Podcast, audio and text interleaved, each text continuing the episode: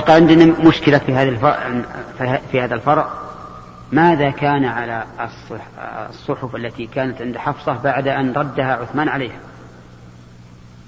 ذكروا أن مروان الحكم أمير المدينة لما توفي عثمان طلبها طلبها منه. طلب الصحيفة منها ولكنها أبت. فلما توفيت طلبها من من عبد الله بن عمر فأعطاه إياه وأنه أحرقها.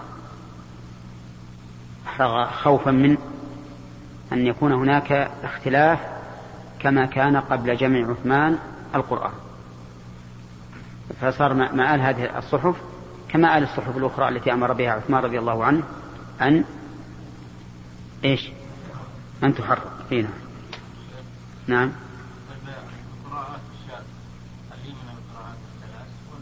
لا من غيرها. كقراءة المسعود أقول كقراءة المسعود وشبه إلى هذه من غيره أي نعم نعم نعم من غيره من غير العشر. نعم. لأنها وصية عمر. كما مر علينا أمس؟ أي نعم. أنها عمر أوصى بها. نعم. يعني فلا في إشكال لأنها وصية خليفة. لا هو ما هو إشكال أنها أخذتها بحق وغير حق لا شك أنها بحق. لكن الإشكال أنها بقت عند امرأة. أفلا يمكن فيها التغيير؟ لأنها امرأة وليس عندها من الحماية ما عند الرجل. ذكرنا أمس أن عندها من الثقة والأمانة والعقل والعلم. ما يجعلها أهلا لأن تكون عندها هذه الصحيفة.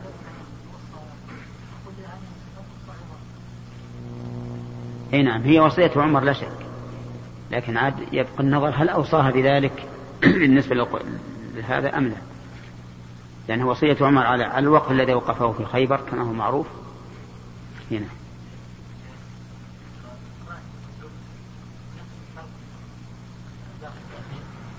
الزائد لا. الزائد يعني مكسك الأحرف الباقية. اي نعم هو الظاهر. طبعا ما ها؟ من؟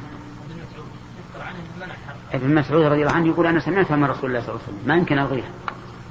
لكنه في الأخير ذكروا أنه رجع. رجع ووافق الجماعة وقال لا أخرج مصحف كيف؟ إي نعم. إلا كيف؟ آمر بحرق الحروف الأخرى. كيف؟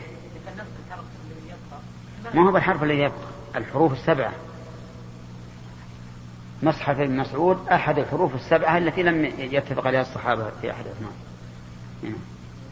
نعم. الذي كان يكتب النبي صلى الله عليه وسلم نعم. نعم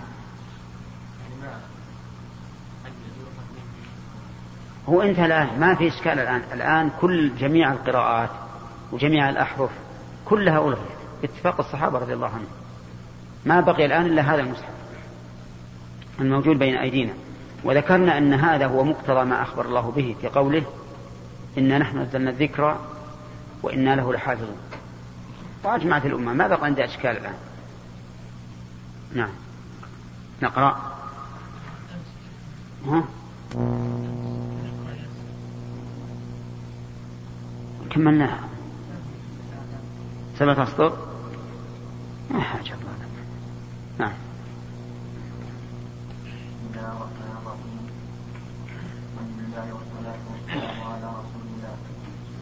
قال رحمه الله تعالى باب تأليف القرآن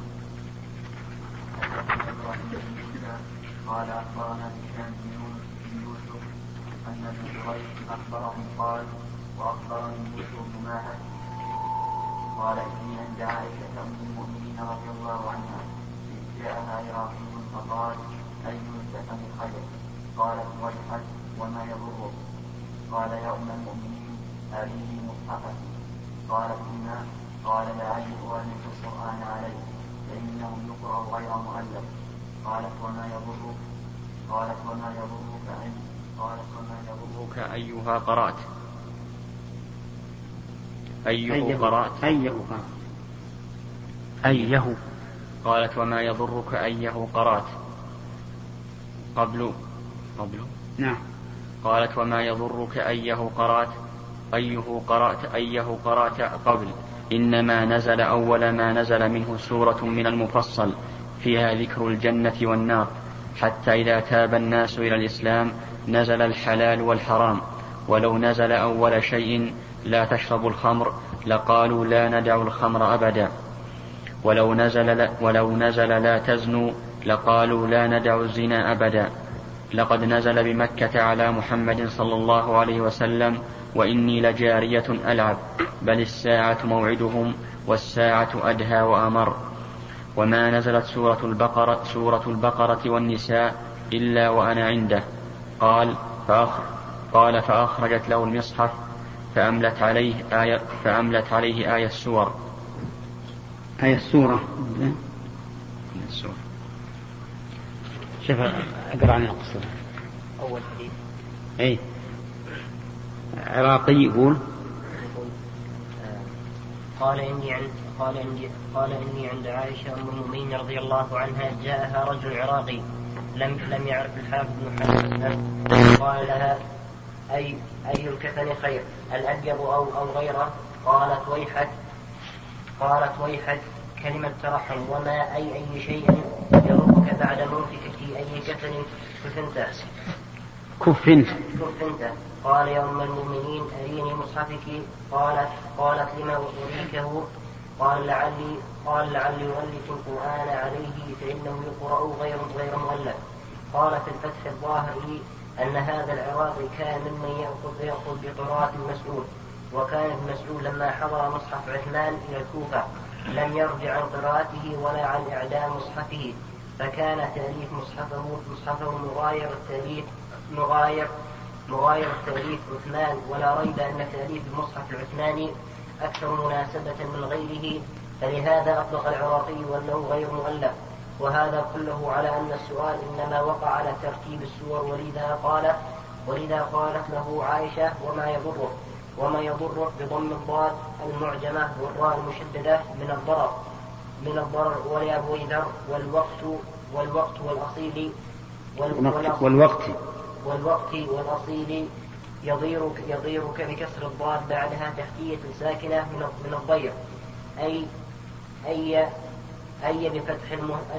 بفتح المهمزة والتحتية المشددة بعدها هاء مضمومة ولأبي ذر عن الحموي المستملي أي أي بفوقية بدل الهاء منونة أي أي أي قرأت قبل قبل أي قرأت قبل أي قبل قراءة السورة الأخرى. إنما نزل أول ما نزل منه سورة المفصل فيها ذكر الجنة والنار. سورة اقرأ باسم ربك باسم ربك. الذاك الذاك الذاك لازم من قوله فيها في الذاك لازم من قوله فيها أن كذب وتولى وسنعد الزبانية. أن كذب وتولى وسنعد الزبانية. إن إن إن كذب. أن إن أرأيت إن كذب؟ أرأيت إن كذب وتولى وسنعد الزبانية أو المدثر أو المدثر. وذك وذكرهما صريح فيها في قوله وما أدراك ما سقر. وفي جنات يتساءلون لكن الذي لكن الذي نزل أول أولا من سورة اقرأ خمس آيات فقط. أو المراد بالأولوية بعد الفترة وهي المدثر فلعل آخرها نزل قبل نزول بقية اقرأ أو بتقدير من أي بتقدير من أي من أول ما نزل حتى إذا ثاب بالمثلثة والموحدة بين الجواب على هذا هذا أن يقال هي تريد السورة. ما هي بأول ما نزل من الآيات. ولا شك أن أول سورة نزلت وهي يقرأ فيها ذكر إيش؟ فيها ذكر الجنة والنار. أرأيت الذي ينهى عبدا إذا صلى أرأيت إن كان على الهدى أو أمر بالتقوى؟ أرأيت إن كذب وتولى؟ أن ما من بالله يرى؟ كلا للي منتهي لنسفع بالناصر إلى آخره. وأما الجنة ففيه ما ذكرت على سبيل التصريح ولكن على سبيل اللزوم فإن المصلين هم هم أهل الجنة. نعم.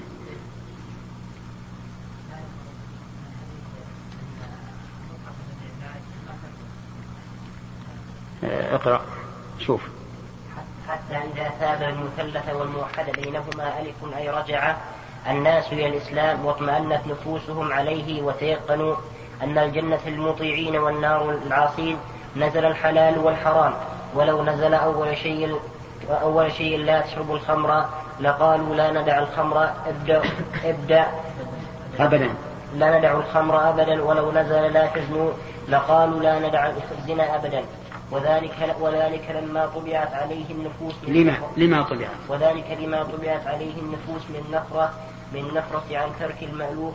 فاقتضت الحكمة الإلهية ترتيب النزول على ما ذكر.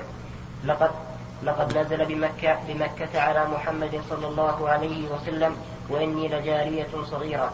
ألعب ألعب بل الساعة بل الساعة موعدهم والساعة أدهى وأمر. من سورة القمر التي ليس فيها ذكر شيء من الأحكام وما نزلت سورة البقرة والنساء المشتملتان على الأحكام من الحلال والحرام. إلا إلا وأنا عنده بعد الهجرة بالمدينة وأرادت بذلك تأخر نزول الأحكام. وسقط لأبي ذر سورة الب... سو... وسقط لأبي ذر سورة فالبقرة ومعطوفها مرفوعان. قال فأخرجت له أي للعراق أخرجت. قال فأخرجت له أي للعراق المصحف فأملت بسكون فأملت فأملت بسكون الميم وتخفيف اللام وبتشديدها مع فتح الميم في اليونية تشديد الميم فليحرر عليه عليه أي سورة ولأبي ذر ولأبي ذر سورة أي آيات كل شلون فأملت عليه؟ نعم. فأملت عليه؟ ف... فأملت بسكون الميم وتخفيف اللام بتشديدها مع فتح الميم وفي اليونية بتشديد الميم فليحرر عليه أي سورة؟ ولأبي آية آية السورة. آية سورة. عليه آية سورة؟ ولأبي ذر السورة ولأبي ذر السورة أي آيات كل سورة.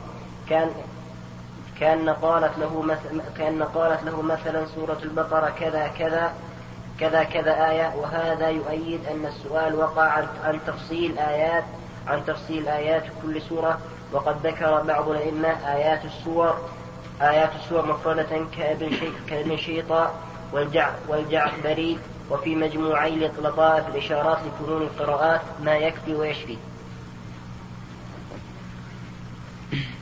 على كل حال يظهر أن مصحف عائشة رضي الله عنها غير مؤلف على تأليف عثمان. غير مؤلف على تأليف عثمان وأن التأليف تأليف السور ليس بواجب.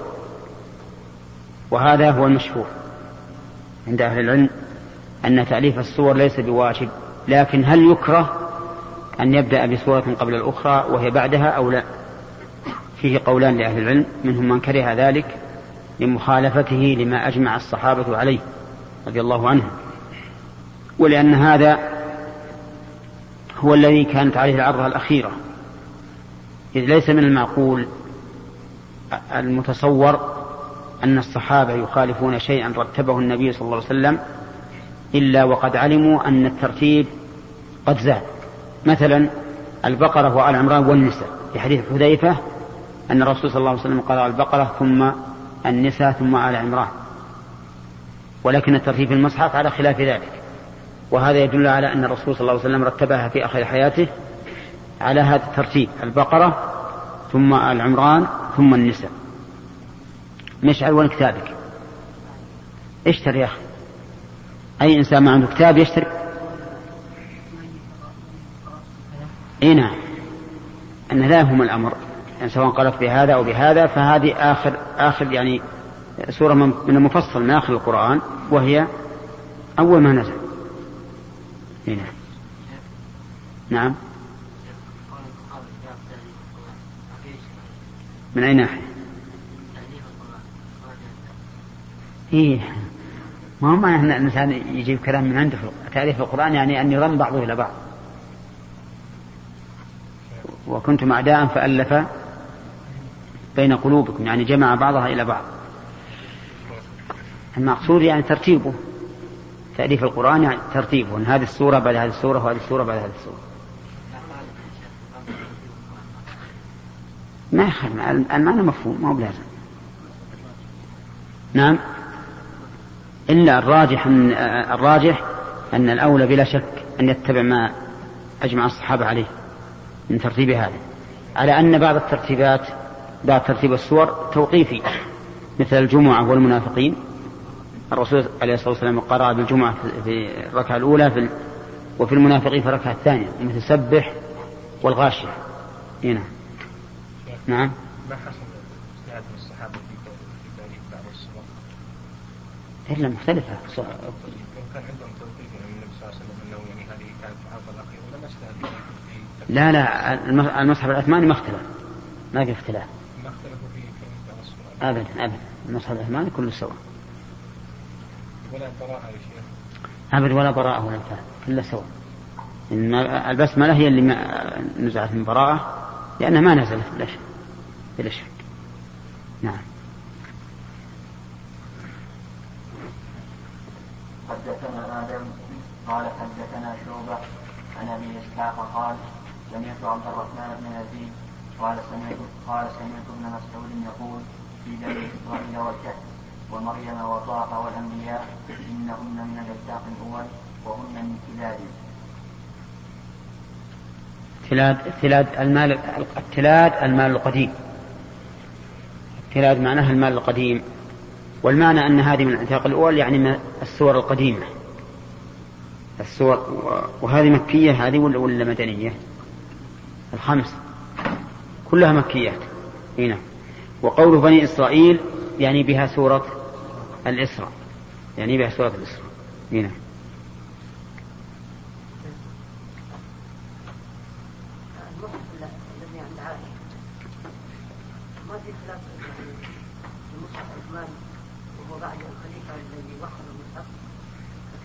ما ندري ما ندري هل, هل في خلاف لكن ظاهر الظاهر فيه وأن هذا لا تقول هذا لا يضر. تقول إنه لا يضر.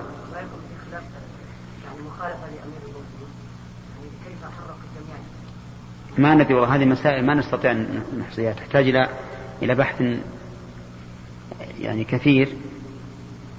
والأمر فيها ليس بذاك الصعب. نعم. حدثنا أبو الوليد قال حدثنا شعبة قال انبأنا أبو إسحاق. قال سمع انه سمع البراء رضي الله عنه قال تعلمت سبح اسم ربك الأعلى قبل أن يقدم النبي صلى الله عليه وسلم. طيب فيه في أثر عائشة. قال اي كفني خير؟ قالت ويحك وما يضرك هي أراد خافت على هذا الرجل ان أن يتعنف في اختيار الكفن. ولا لا شك أن الكفن الأبيض أفضل؟ كما جاء به الحديث. لكن هي خافت عليه من التعنت والتشدد في الدين وقالت إن الأمر كله يعني بالنسبة للميت لا يستفيد منه. الأبيض وغير الأبيض الجديد والخلق وإلا فإنه لا شك إن الأبيض أحسن.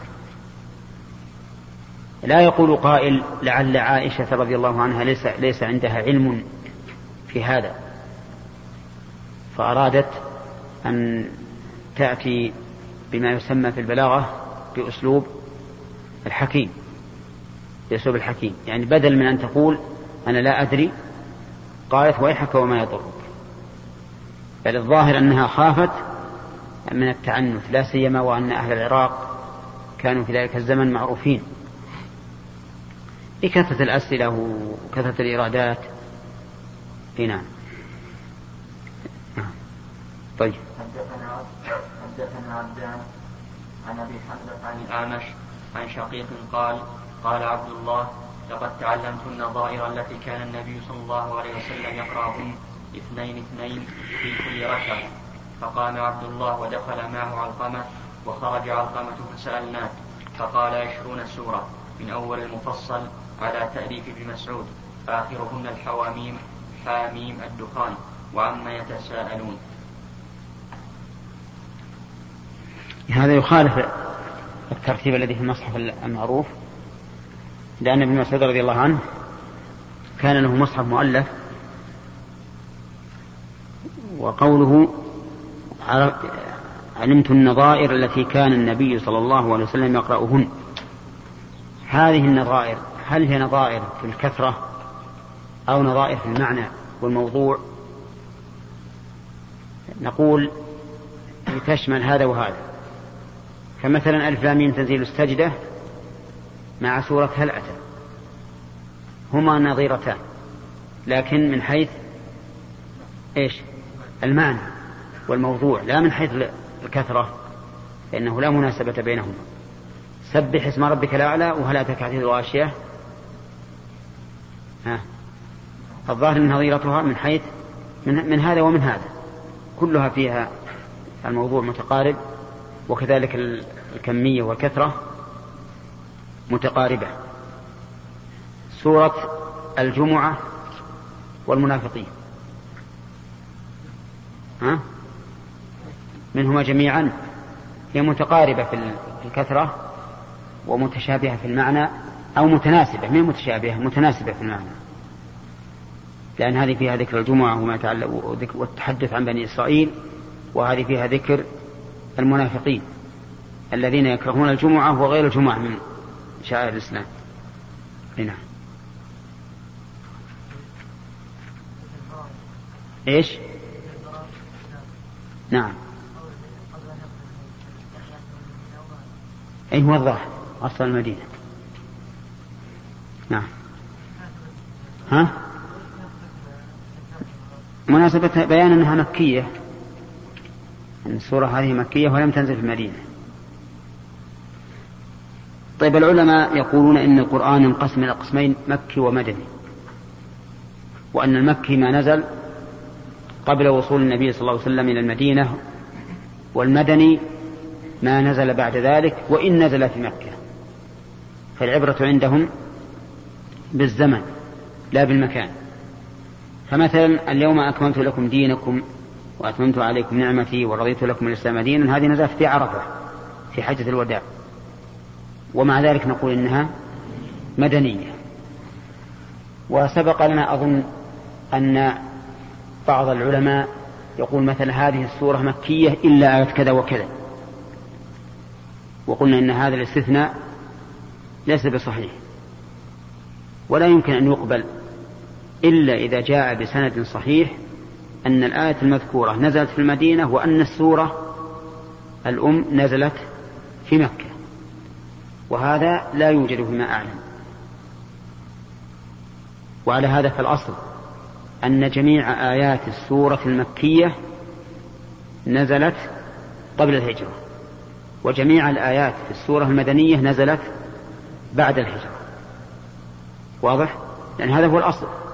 لأنك إذا قلت آت كذا إلا كذا فهذا استثناء والاستثناء يحتاج إلى إلى دليل. نعم. كان جبريل يعرض القرآن على النبي صلى الله عليه وسلم وقال مسروق عن عائشة عن عائشة رضي الله عنها عن فاطمة عليه السلام أسر إلي النبي صلى الله عليه وسلم أن جبريل كان يعارضني بالقرآن كل سنة.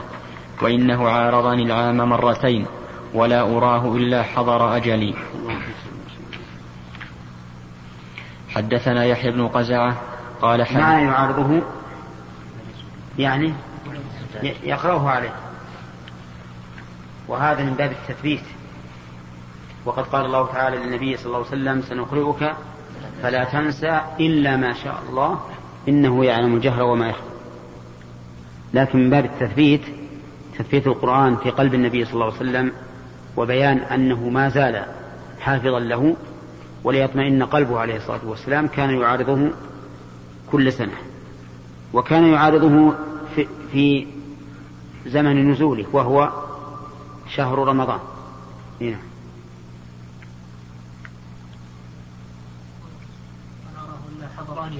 نعم. اي نعم لأنه لما عارضه مرتين خلاف العادة كأنه عليه الصلاة والسلام فهم أن هذه آخر سنة كالمودع له.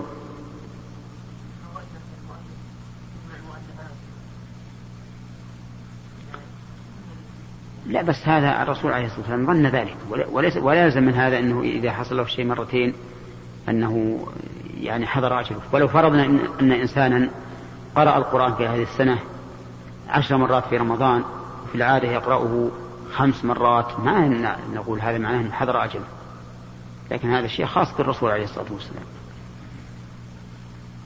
وقد يوفق الله الإنسان العبد مثلا لجميع أحواله وتفقدها مثلا وكتابة ما عليه وما أشبه ذلك قبل أن يموت ويكون هذا فيه نعمة من الله عليه. نعم.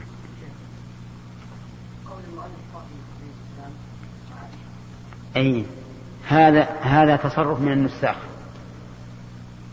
وأنتم تعرفون أن البخاري رحمه الله في بخارست في بلاد فارس.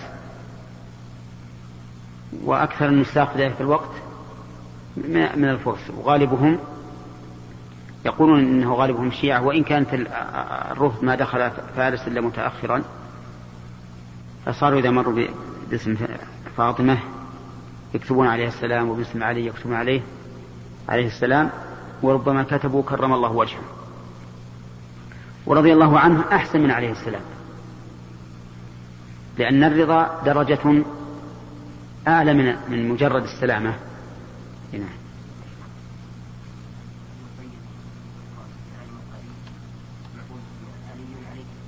نعم.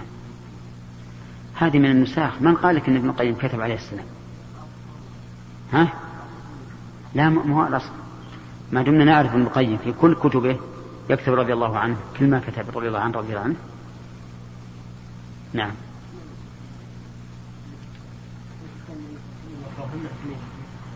ها؟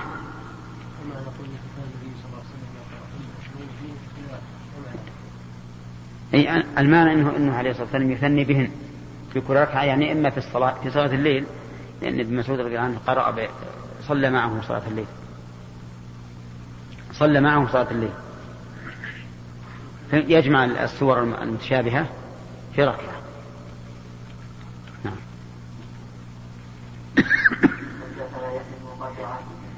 قال حدثنا بن سعد عن عن الله بن عبد الله عن ابن عباس رضي الله عنهما قال كان النبي صلى الله عليه وسلم اجود الناس بالخير. واجود ما يكون في شهر رمضان لأن جبريل كان يقرا في كل ليلة في شهر رمضان حتى ينسلخ. يعرض عليه رسول الله صلى الله عليه وسلم القرآن. فإذا لقيه جبريل كان بالخير من الذكر والصلاه. حدثنا خالد بن نزيد قال حدثنا أبو بكر عن ابي عن أبي حصين عن ذكوان عن أبي هريرة قال كان يعرض علي النبي صلى كان يعرض علي النبي صلى الله كان يعرض على النبي صلى الله عليه وسلم القرآن كل عام مرة فعرض عليه مرتين في العام الذي قبض فيه. وكان يعتكف وكان يعتكف في كل عام عشرا فاعتكف عشرين في العام الذي قبض فيه. شوف تكلم على هذه. الفتحة اللي معك؟ فاعتكف قوله وكان يعتكف في كل عام عشرا فاعتكف عشرين في العام الذي قبض فيه. ظاهره؟ قوله وكان يعتكف في كل عام عشرا فاعتكف عشرين في العام الذي قبض فيه. ظاهره أنه, أنه اعتكف عشرين يوما من رمضان وهو مناسب لفعل جبريل حين ضعف عرض القرآن في تلك السنة. ويحتمل أن يكون السبب ما تقدم في الاعتكاف أنه صلى الله عليه وسلم كان يعتكف عشرا فسافر عاما فلم يعتكف فاعتكف من قابل عشرين يوما. وهذا إنما يتأتى في سفر وقع في شهر رمضان. وكان رمضان من سنة تسع دخل وهو وهو صلى الله عليه وسلم في غزوة تبوك.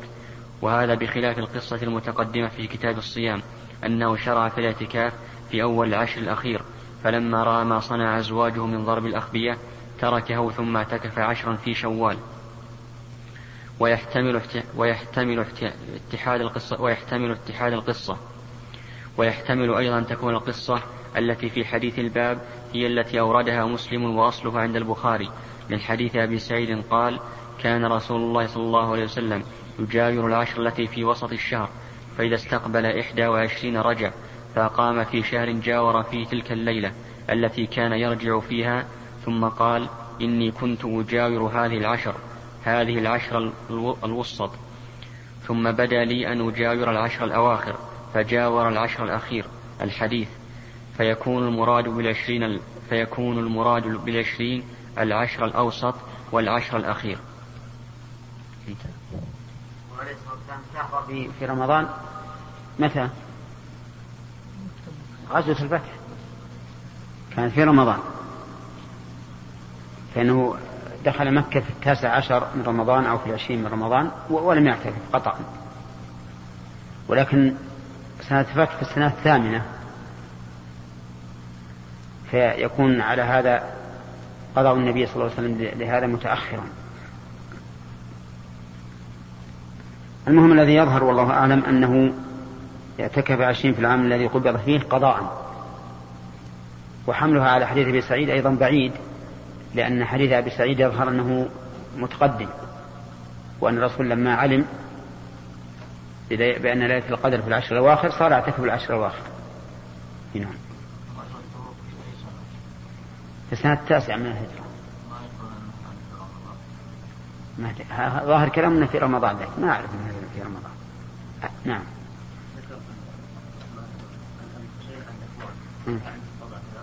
هو أبو صالح. هو اسمه ذكوان. كنيته أبو صالح واسمه ذكوان. أنت عندك شيء في هذا؟ ها؟ طيب.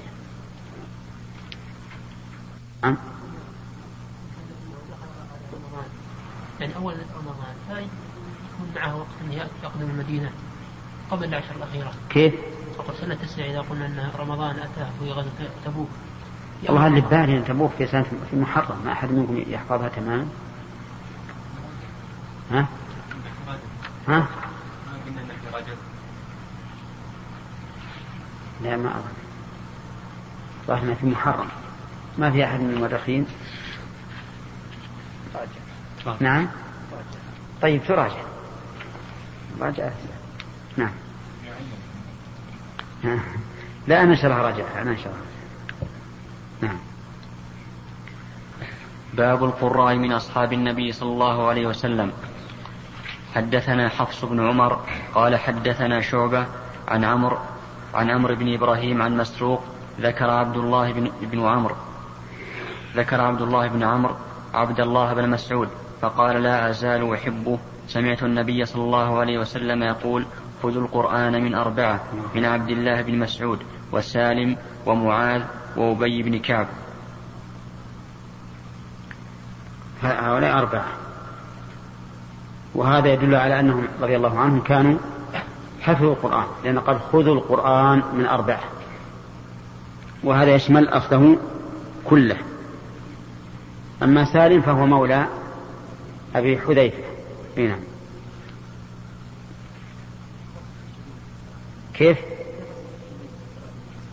هذا بالنسبة للقراءة التي جمعت التي جمعها عثمان رضي الله عنه. فإن قراءة ابن مسعود ما خالف هذه القراءات التي جمعها عثمان اعتبرها العلماء شاذة. نعم. قال حدثنا أبي أو أبي. أبي. قال حدثنا أبي قال حدثنا الأعمش قال حدثنا شقيق بن سلمة قال خطبنا عبد الله بن مسعود ابن مسعود فقال والله لقد أخذت من في رسول الله صلى الله عليه وسلم بضعا وسبعين سورة. والله لقد علم أصحاب النبي صلى الله عليه وسلم أني من أعلمهم بكتاب الله وما أنا بخير وما أنا بخيرهم. قال شقيق فجلست في الحلق أسمع ما يقول فما سمعت رادا يقول غير ذلك. وهذا رضي الله عنه من حسن تعبيره أني من أعلمهم وما أنا بخير. أني من أعلمهم وما أنا بخير. لو كان أعلمهم لكان خيرا. لقول النبي صلى الله عليه وسلم خيركم من تعلم القرآن وعلمه. لكنه يقول أنا لست من أعلمهم وما أنا بخيرهم. ففيه من هو أعلم مني وفيه من هو خير مني. فالذين أخذوا جميع القرآن لا هذه السور المعدودة لا شك أنهم خير ممن أخذ بعض القرآن ولو أكثر القرآن. طيب هو أخذ من في رسول الله صلى الله عليه وسلم بضعا وسبعين سورة ولنجعلها تسعا وسبعين. والقرآن كم سورة؟ 114 لكن أخذ الباقي من الصحابة رضي الله عنهم. نعم. نعم.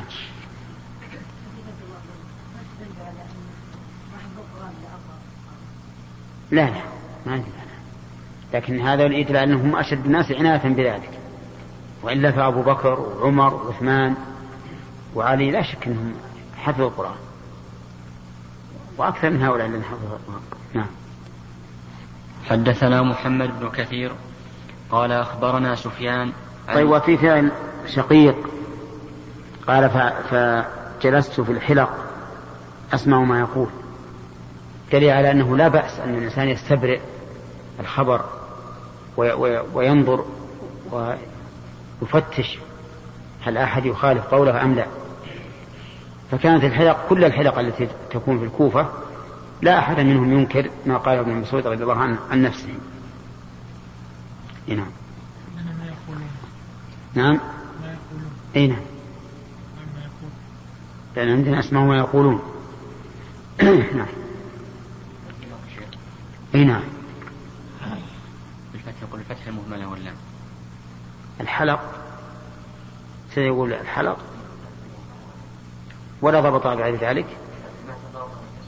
إلا هو الشارح. إحنا عندنا بالكسر. وهذا هو القياس. لكن حلق.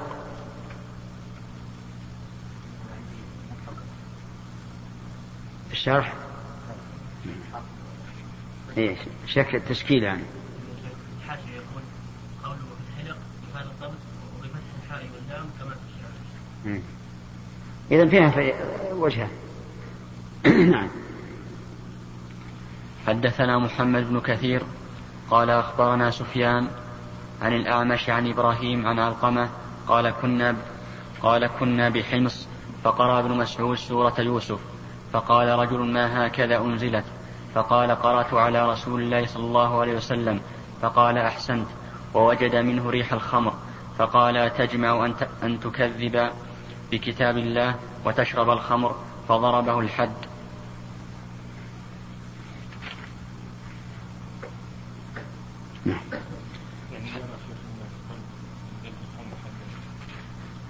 لا ما, ما هو بصحيح يمكن ضربه الحد الذي حده عمر. صحيح. نعم. وفي دليل على أخذ من القرائن الصحابة كانوا ياخذون بالقرائن كيف ذلك؟ قد يكون مثلا خمر اصابه غالب انه شرب اي له هو الظاهر لأن لما قال أنا قرأت على رسول, على رسول الله صلى الله عليه وسلم كانه عرف أن الرجل ما هو مستقيم بعقله إي نعم. لأن كلامه هذا ينكر قراءة ابن مسعود وهو قرأ على رسول الله صلى الله عليه وسلم.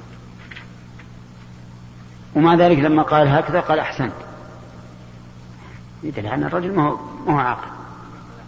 نعم. هذا الرجل. لا لا مو بالظاهر لا هذا الرجل. نعم. أيه نعم نعم. طيب. عندك كلام على قول أحسنت؟ أول أول أول الحديث. فقال رجل ما هكذا أنزلت؟ فقال فقال رجل لم لم يعرف الحافظ لم يعرف الحافظ يعرف, لم يعرف الحافظ اسمه نعم قال قال قيل إنه نهيك بن سنان. ما هاك نهيك بن سنان. ابن سنان. ما هكذا أنزلت؟ قال أي ابن مسعود ولأبي ذر. فقال قرأت كذا على رسول الله صلى الله عليه وسلم. فقال أحسنت. ووجد ابن مسعود منه أي من الرجل ريح الخمر فقال فقال له أتجمع أن أن أن تكذب أن تكذب بكتاب الله وتشرب الخمر فضربه الحد أي رفعه أي رفعه إلى من له الولاية فضربه. وأسند الضرب إليه مجازا لكونه كان سببا فيه. والمنقول عنه أنه كان يرى وجوب الحد بمجرد وجوب وجود الرائحة وأن الرجل اعترف بشربها بلا عذر. لكن وقع عند عند الإسماعيلي أثر أثر هذا الحديث. لكن وقع عند الإسماعيلي أثر هذا أثر هذا الحديث النقل النقل عن علي أنه أنكر على ابن مسعود جلده الرجل, الرجل بالرائحة وحدها إذا لم يقر أو لم, أو لم يشهد عليه. ومبحث ذلك يأتي إن شاء الله تعالى في كتاب الحدود بعون الله وفضله. وإنما أنكر الرج- الرجل كيفية إنزال جهلا منه لا أصل النزول وإلا لك- لكفر لكفر إذا بإجماع, بإجماع قائم على أن من جحد حرفا مجمعا عليه فهو كافر.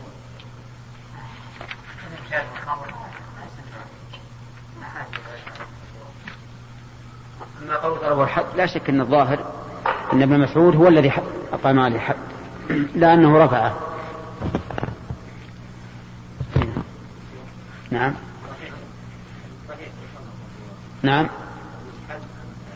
لا الصحيح أنه عقوبة. لا حد. هنا. يحتمل الحد معناها الذي حده عمر يعني القدر الذي قدره عمر. ما هو صريح. نعم. نعم. لا ذا- ذكره عليه وسلم. أي رفعه إلى من له الإقامة.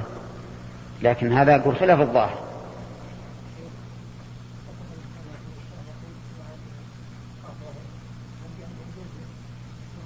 وهذا محمول على على أن ابن مسعود كانت له ولاية. آه، ولاية إقامة الحدود نيابة عن الإمام. هذا الظاهر أنه هو الذي ضربه. لكن عاد ما أن يكون أمير على على الكوفة على على حمص في ذلك الوقت أو أنه موكل بإقامة الحد. المهم أن نأخذ أو أنه يرى أنه إذا ثبت الحد جاز إقامته من كل من من هو كبير في قومه في ذلك المكان. أي نعم. طيب.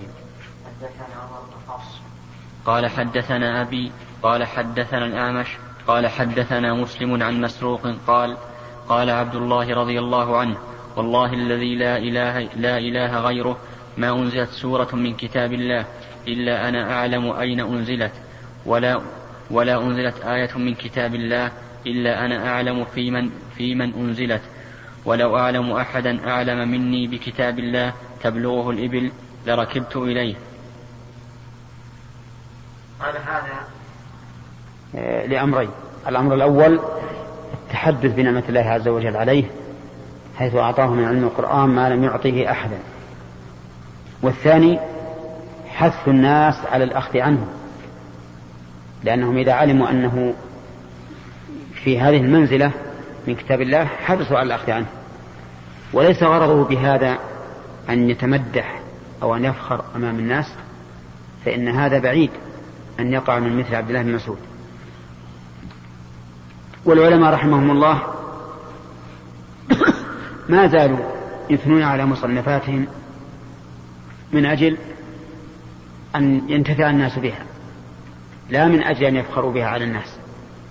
فإذا أخبر الإنسان عن نفسه بمثل هذا الخبر وهو مطابق للواقع يريد هذا فلا بأس به.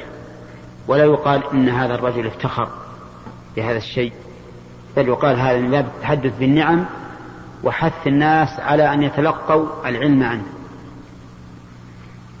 وفي هذا دليل على جواز شد الرحل لطلب العلم وهو كذلك. وما زال السلف والخلف أيضا يرحلون لطلب العلم. ويشير إلى هذا قول النبي صلى الله عليه وسلم من سلك طريقا يلتمس فيه علما سهل الله له به طريقا إلى الجنة. فإن هذا يشمل الطريق في البلد والطريق في خارج البلد كما يشمل الطريق الحسي والطريق المعنوي بمراجعة الكتب وكتابة العلم وما أشبه ذلك. نعم. حدثنا حفص بن عمر. قال حدثنا همام. قال حدثنا قتادة. قال سألت أنس بن مالك رضي الله عنه من جمع القرآن على عهد النبي صلى الله عليه وسلم؟ قال أربعة كلهم من الأنصار أبي بن كعب ومعاذ بن جبل وزيد بن ثابت وأبو زيد. تابعه الفضل عن حسين عن حسين بن واقد عن ثمامة عن أنس. حدثنا معلق قوله أبو زيد من هو؟